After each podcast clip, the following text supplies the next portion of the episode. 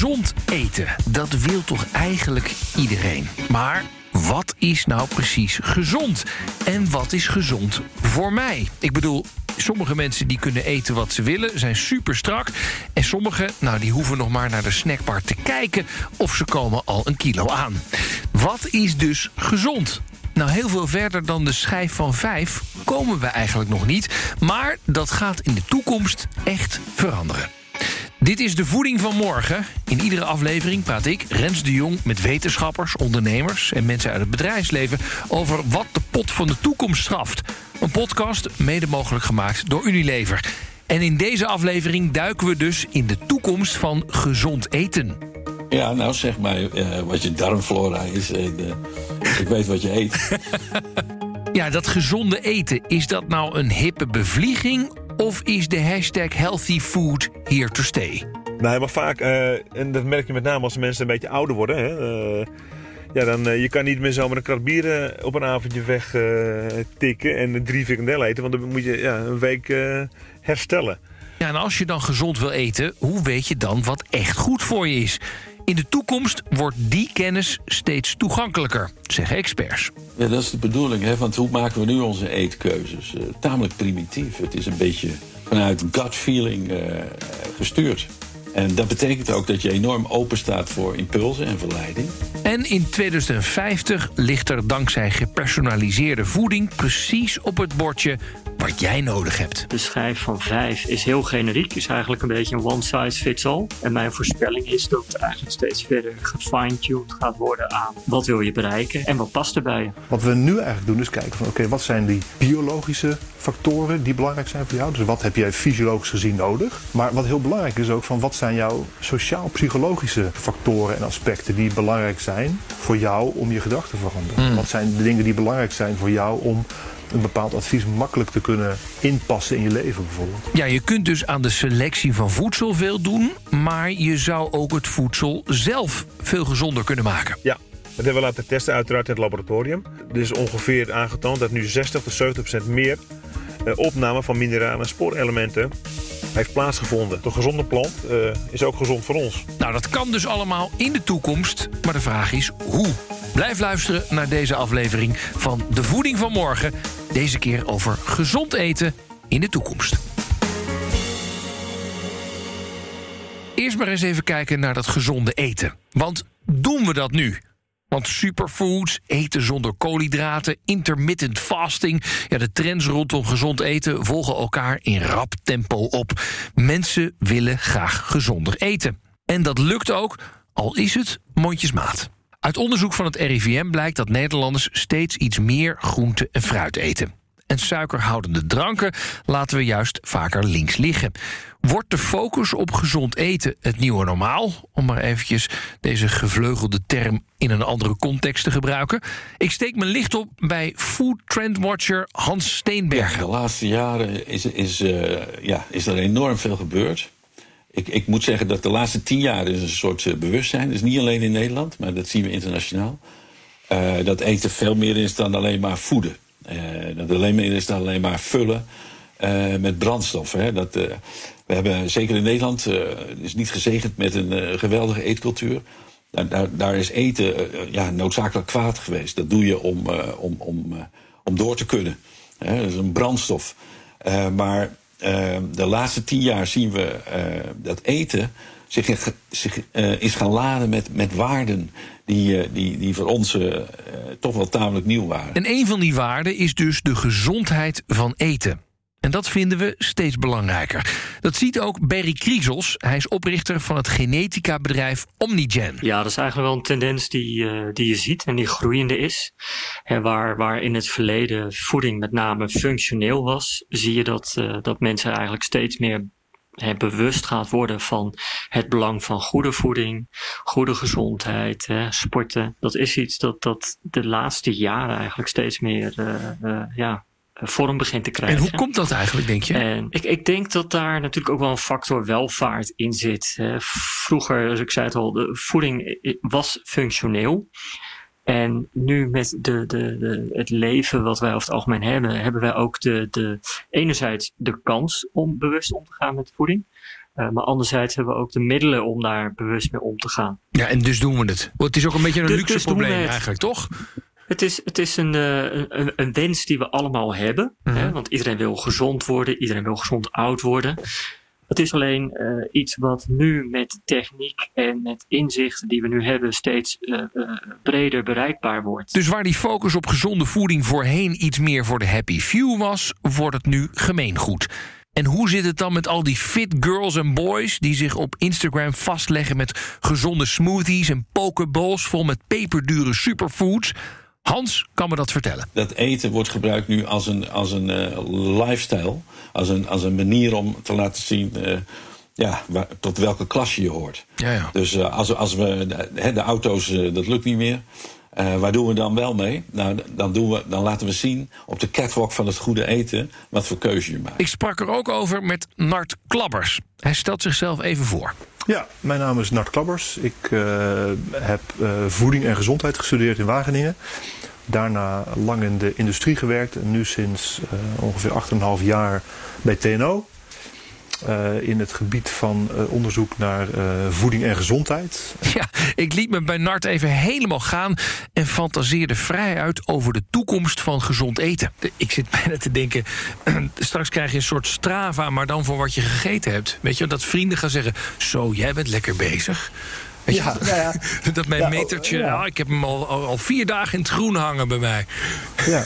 Nou, kijk, het grappige is dat natuurlijk hele grote groepen consumenten, jonge groepen consumenten, die doen dat al. Hè? Bedoel, de hashtag foodporn is uiteindelijk om aan jouw peers, aan, jou, aan jouw omgeving, aan je vrienden te laten zien. Dit ben ik, hè? dit eet ik. Dus dat is ook heel interessant, vind ik. Dat is ook, dat is ook een van de mooie dingen natuurlijk aan het, aan het vak voeding. Dus dat het ook altijd met cultuur te maken heeft. En wat je dus nu ziet, is dat mensen zich ja, willen onderscheiden. Niet meer aan de hand van, zoals het misschien in onze jeugd was, aan de hand van merkkleding of aan de hand van de baan die je koos. Maar mensen onderscheiden zich nu in sociale klassen van elkaar door de voeding die ze eten. Door de keuzes die ze maken op het gebied van, van voeding. En dat willen ze dus inderdaad ook laten zien. Ze willen met hun voedingskeuzes laten zien tot welke sociaal-economische klasse ze behoren. Prachtig. Dus ik, ik, ik bedenk eh, opeens een nieuw businessmodel. Ga ik uitzoeken of iemand dit al bedacht heeft. En anders claim ik het meteen. Ja,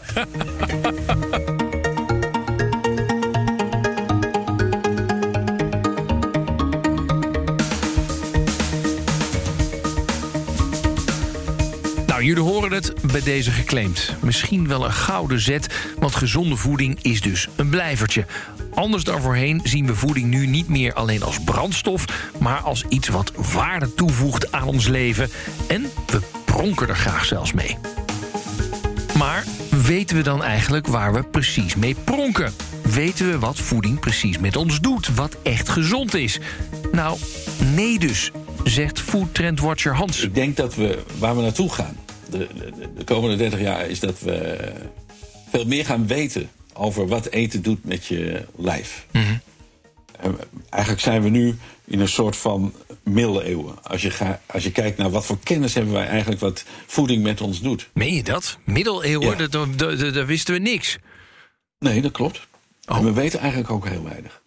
Maar sorry, maar we weten toch altijd van... je moet je vitamine, je mineralen en je, en je vezels hebben. Dus dat, dat weten we toch allemaal? Ja, maar dat is een heel basale kennis. Als je kijkt naar het wetenschappelijk onderzoek, er is meer, veel meer onbekend dan eh, bekend. Eh, dat heeft te maken met de complex- complexiteit. Hè. De voedingswetenschap eh, eh, is een heel ingewikkelde, omdat je met zoveel variabelen te maken heeft. Het is heel moeilijk om eh, testen en experimenten te doen, waarbij je kan vaststellen van, nou ja, die stof eh, werkt altijd beter dan die andere. Maar er is nog iets anders. En, en dat is dat ieder lichaam anders reageert op, op eten, op voedingsstoffen. En ehm, die uniciteit van hoe ik reageer, die is totaal niet aanwezig in de voedingsadviezen. Zodra die kennis wel ontsloten gaat worden, dat ik weet, en hoe, dat moeten we nog een beetje zien uit te vogelen, maar dat ik weet dat, eh, dat, dat ik tijdens de lunch eh, beter geen brood kan eten, ik noem maar iets, maar beter eh, kan kiezen voor die boontjes daar, omdat die me helpen om een lunchdip te voorkomen. En ook nog eens een keer mentaal op orde te zijn. Ja, als ik dat weet, dan kan ik veel betere voedselkeuzes maken. Dat uitvogelen, dat gebeurt eigenlijk al volop. In Silicon Valley maar ook gewoon hier in Nederland, poppen steeds meer bedrijfjes en serieuze onderzoeksinstituten op die zich specialiseren in personalized nutrition, gepersonaliseerde voeding dus. Nart van TNO richtte samen met de Universiteit van Wageningen een internationaal consortium op dat zich juist bezighoudt met onderzoek naar gepersonaliseerde voeding en gezondheid. Personalized Nutrition Health is eigenlijk het idee dat je als consument uh, meer gaat leren over je eigen gezondheid. Dat je als consument meer weet ook over de invloed van voeding op je gezondheid. Bijvoorbeeld door allerlei ja, nieuwe technologie, doordat uh, dat je een stapperteller kan gebruiken, doordat je een uh, draagbare technologie kan inzetten en op basis van die persoonlijke gegevens eigenlijk een beter beeld kan krijgen van wat voor jou persoonlijk betere voeding is dan wat je nu aan het eten bent. Mhm. dat, heel vaak wordt het ook uh, met uh, bijvoorbeeld een DNA-analyse gedaan. Dus dat je een DNA kan analyseren en op basis daarvan iets kan zeggen. Dat doen wij ook. Maar wij combineren dat altijd met heel veel andere metingen. Ja, en is het nou echt zo nodig? Want, eh, want ik kan me best wel voorstellen dat je uh, het een beetje beter kunt maken. Maar goed, aan de andere kant, ja, twee, twee stuks groente, twee stuks fruit, schijf van vijf.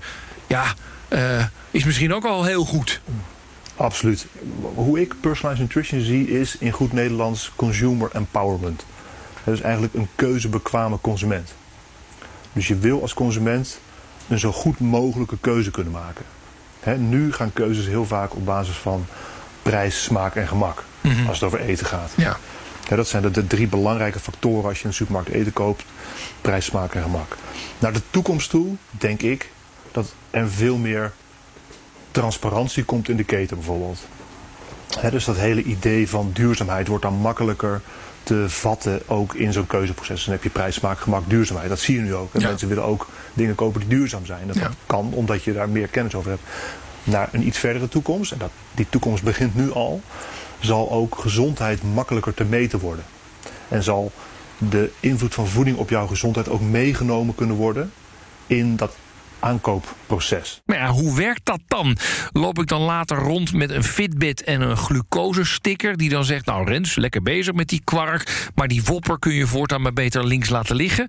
Nou, je hoort het van Nart en van Food Trendwatcher Hans. Inderdaad. En dan ook nog inderdaad gecombineerd met bijvoorbeeld uh, de activiteiten tracker van, van je agenda... of een Strava die je fietsactiviteit bijhoudt. Allerlei datapunten, zeg maar, die in de toekomst veel makkelijker beschikbaar worden dan nu. Ja, ja. En al die datapunten samen, die kunnen jou als consument, als je dat wil, hè, want die data die moet je natuurlijk ergens uh, heen brengen dan, als je dat wil, kunnen die jou helpen met het maken van een betere beslissing op het gebied van voeding. Ja. En ik denk dat er heel veel waarde zit ook voor consumenten en dus ook voor, voor, voor, voor bedrijven.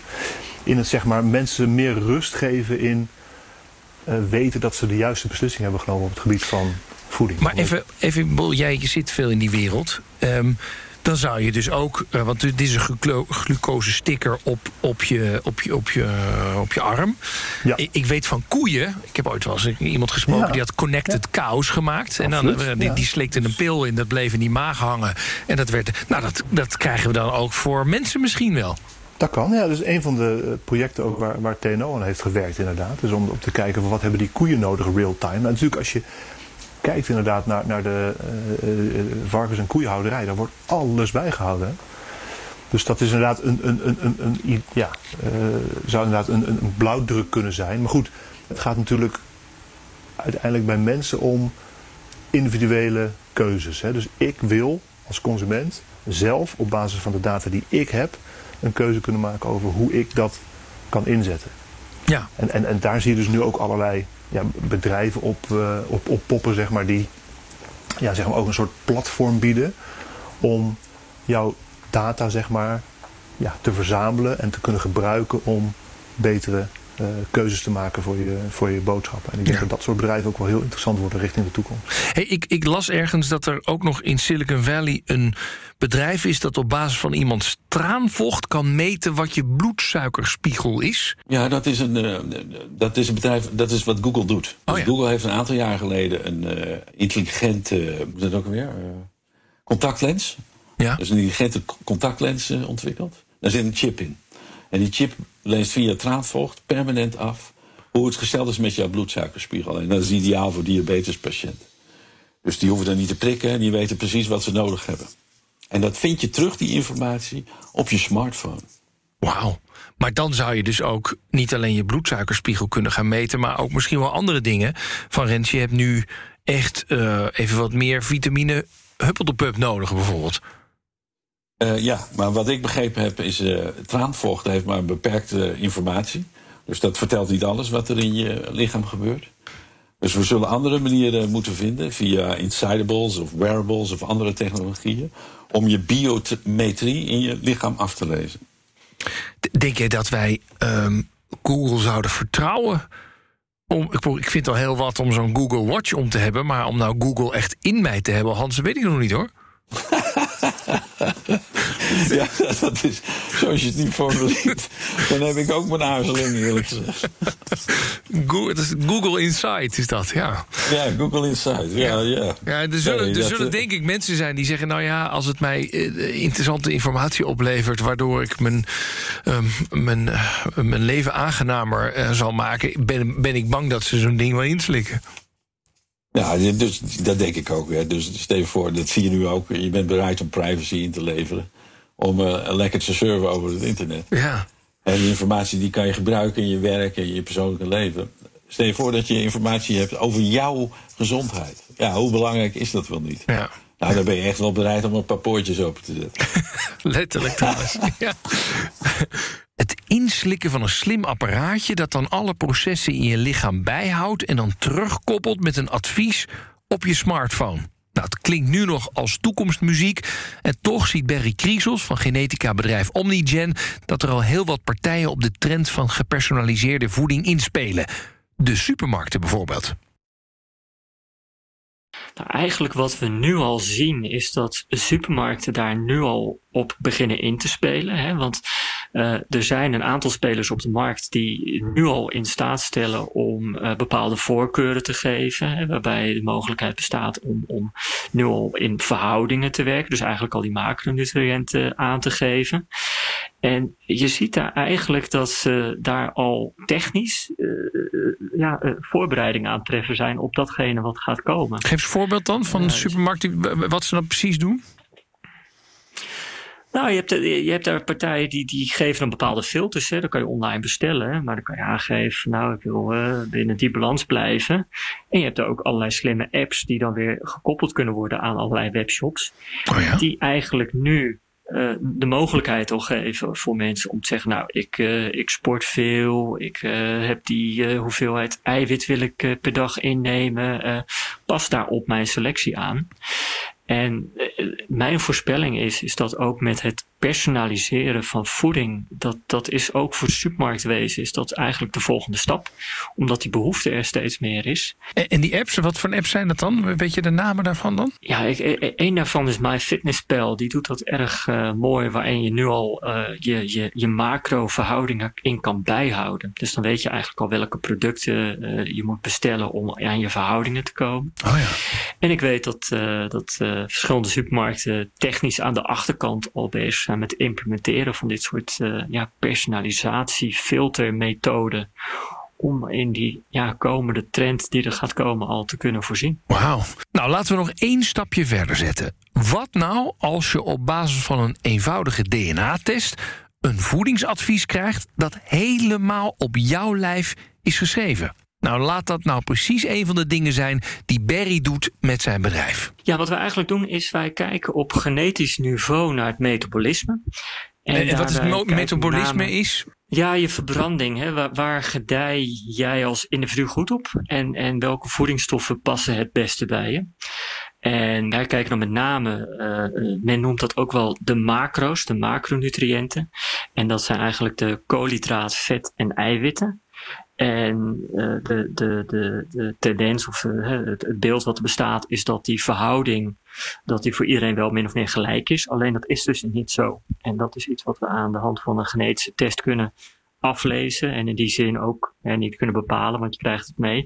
Maar in ieder geval kunnen terugkoppelen aan een individu. Maar, maar is, het, is het echt zo significant verschillend? Want jij zegt nou de schijf van vijf is wel heel rudimentair het twee, twee stuks fruit, twee stuks groente, eh, kom ik ook mijn dag wel door. Maar jij zegt nee, echt, dat zou voor mij ook enorm verschil kunnen uitmaken, begrijp ik. Ja, die verschillen zijn er. Er zijn uh, behoorlijk wat populatiestudies geweest die kijken naar de invloeden van die macronutriënten, die vet, eiwit en koolhydraat.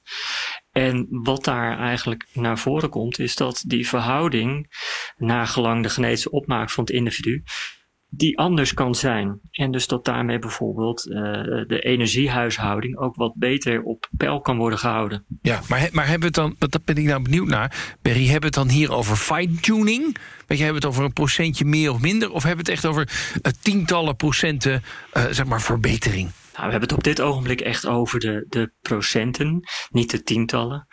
Um, het is een veld, hè, zeker als je kijkt naar genetisch onderzoek. Uh, pak beet 30 jaar geleden was dat nog lang niet zo ver gevorderd als dat nu is. Mm -hmm. uh, wat wel nu de ontwikkeling is, is dat het nu heel hard gaat. Hè. Het veld Nutrigenomics is een veld waar heel veel gebeurt. Of überhaupt eigenlijk genetisch onderzoek gebeurt heel veel mee. En mijn voorspelling is dat zeker nu de komende 10 jaar dat dat een, een, een maat van volwassenheid gaat krijgen. Dat het helemaal niet gek is dat men op die manier ook gaat kijken naar voeding en naar wat bij je past. Nou, denk jij nu ook, dat is een prikkelend idee. Wil ik wel aan proeven, zo'n voedingsadvies op basis van je DNA? Nou, af en toe organiseert Berry een DNA-diner... waarbij gasten eten krijgen geserveerd... dat helemaal past bij hun eigen DNA-profiel. Nou, leuk om te weten. Is dit eigenlijk iets voor Nart van TNO? Nou, die reageert nogal nuchter. Nou, ik, ik, ik, ik was ook uitgenodigd. Het is een beetje in, in onze scene wel natuurlijk. Ik, ik, ik was niet gegaan, maar een, een collega wel. Uh, en dat is een leuke gimmick.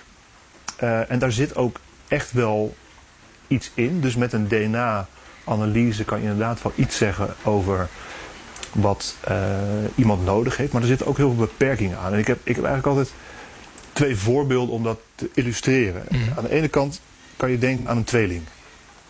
Hè, dus stel dat ik een tweelingbroer zou hebben. Uh, en ik, ik, ik neem voor, als voorbeeld altijd een hele ongezonde tweelingbroer. Dat vind ik prettig.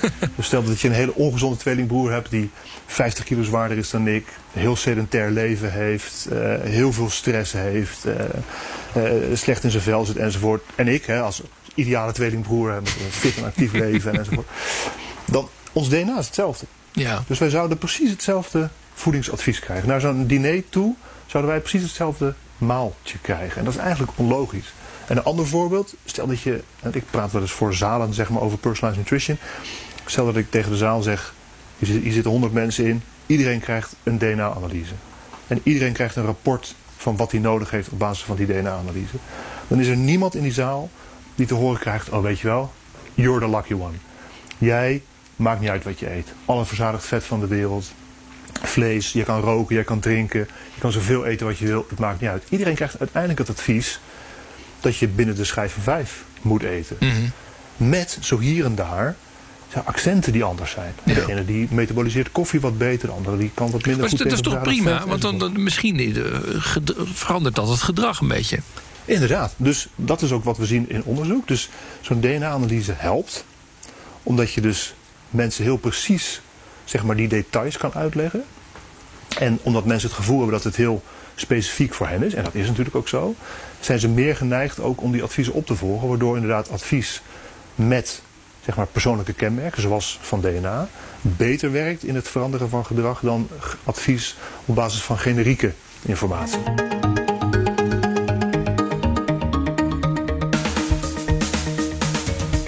Ja, dat is dus de toekomst van gezond eten. We gaan keuzes maken op basis van adviezen die specifiek zijn gericht op ons lijf en onze doelen.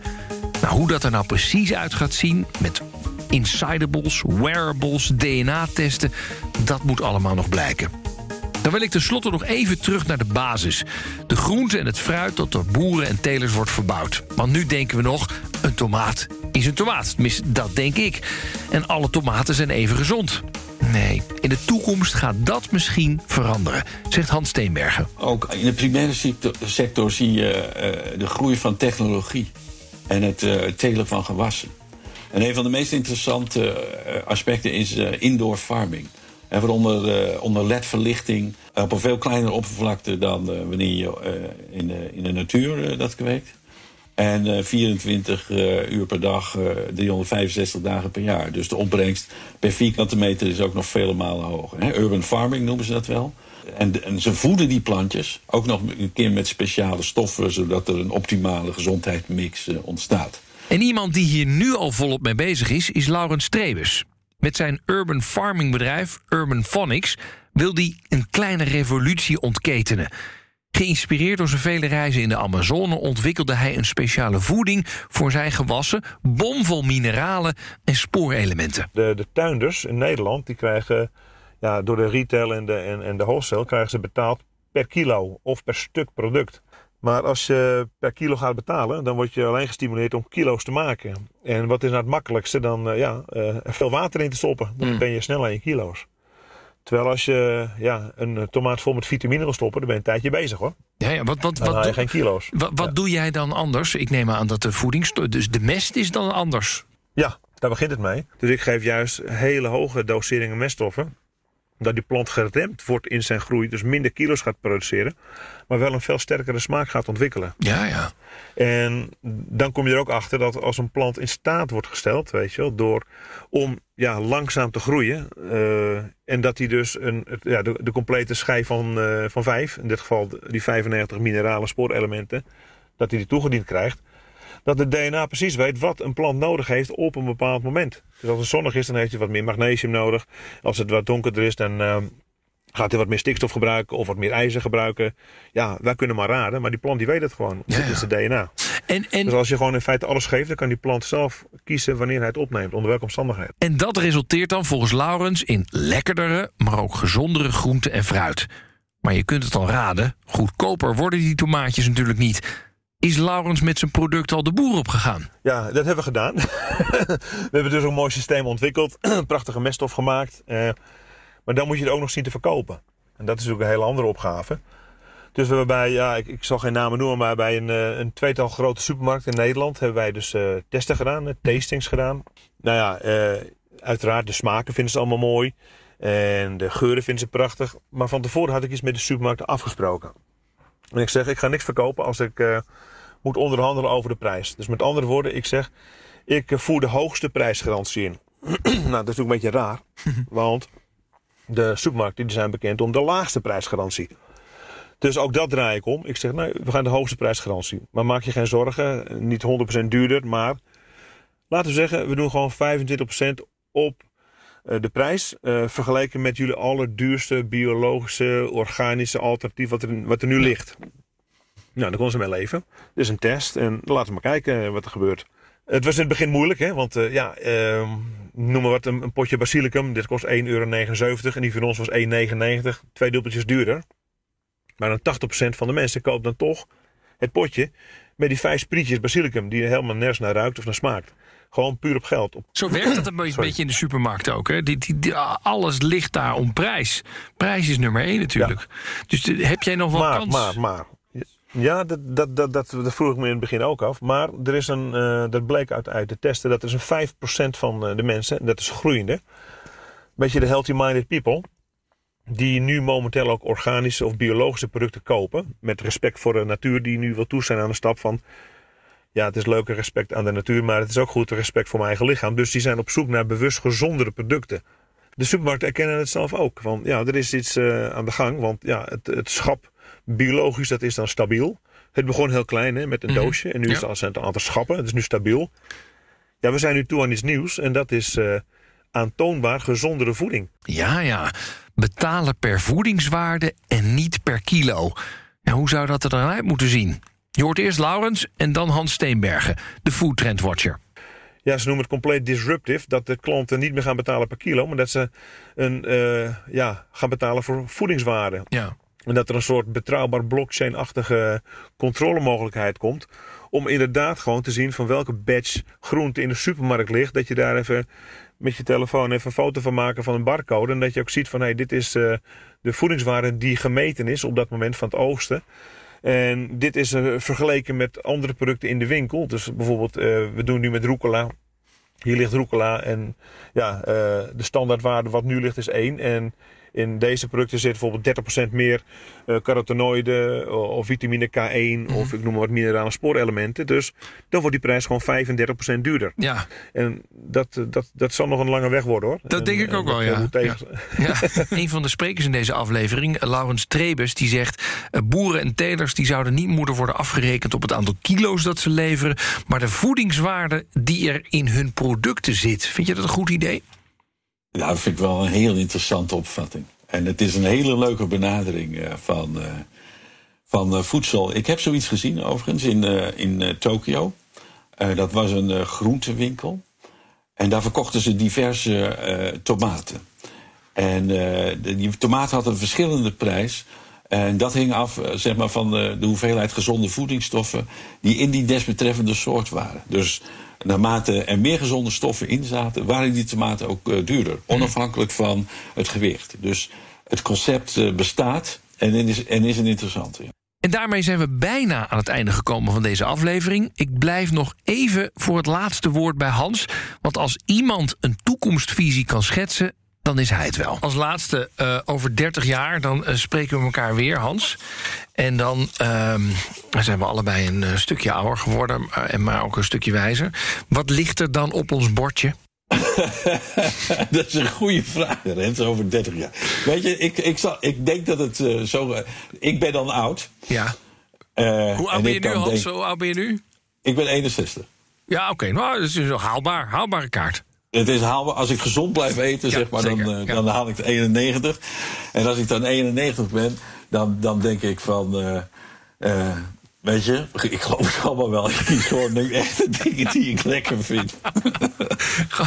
zoek het lekker uit, ja. Ja, zoek het lekker uit. Al die adviezen, ik geloof het wel. Ik ga nu genieten. Hè? Dat, dat zou kunnen. Maar goed, stel voor. Wat zit er dan bij een gemiddeld gezin? Wat staat er dan op de rol?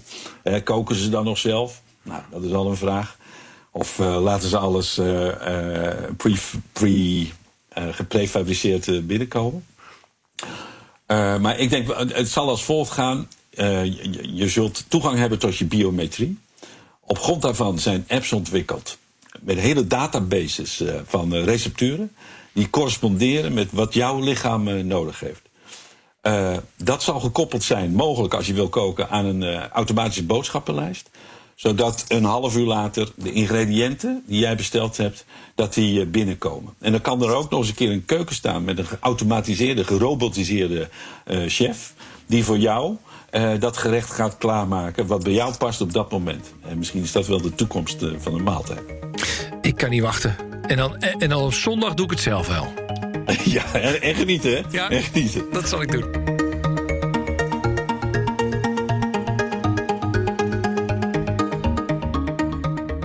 Zoals het er nu naar uitziet, gaat gezonde voeding dus een steeds grotere rol spelen in ons leven. En we gaan vooral steeds meer te weten komen over welke voeding wanneer voor ons geschikt is.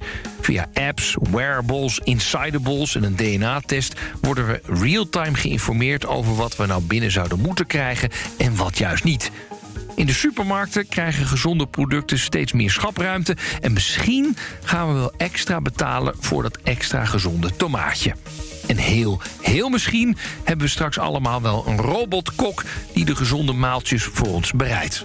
Maar dat is nog echt toekomstmuziek. Wil je nou meer horen over de toekomst van ons eten? Je vindt de andere afleveringen van Voeding van Morgen op bnr.nl slash voeding in de BNR-app... of op ieder ander platform waar je je podcast luistert. Tot de volgende keer. Dag.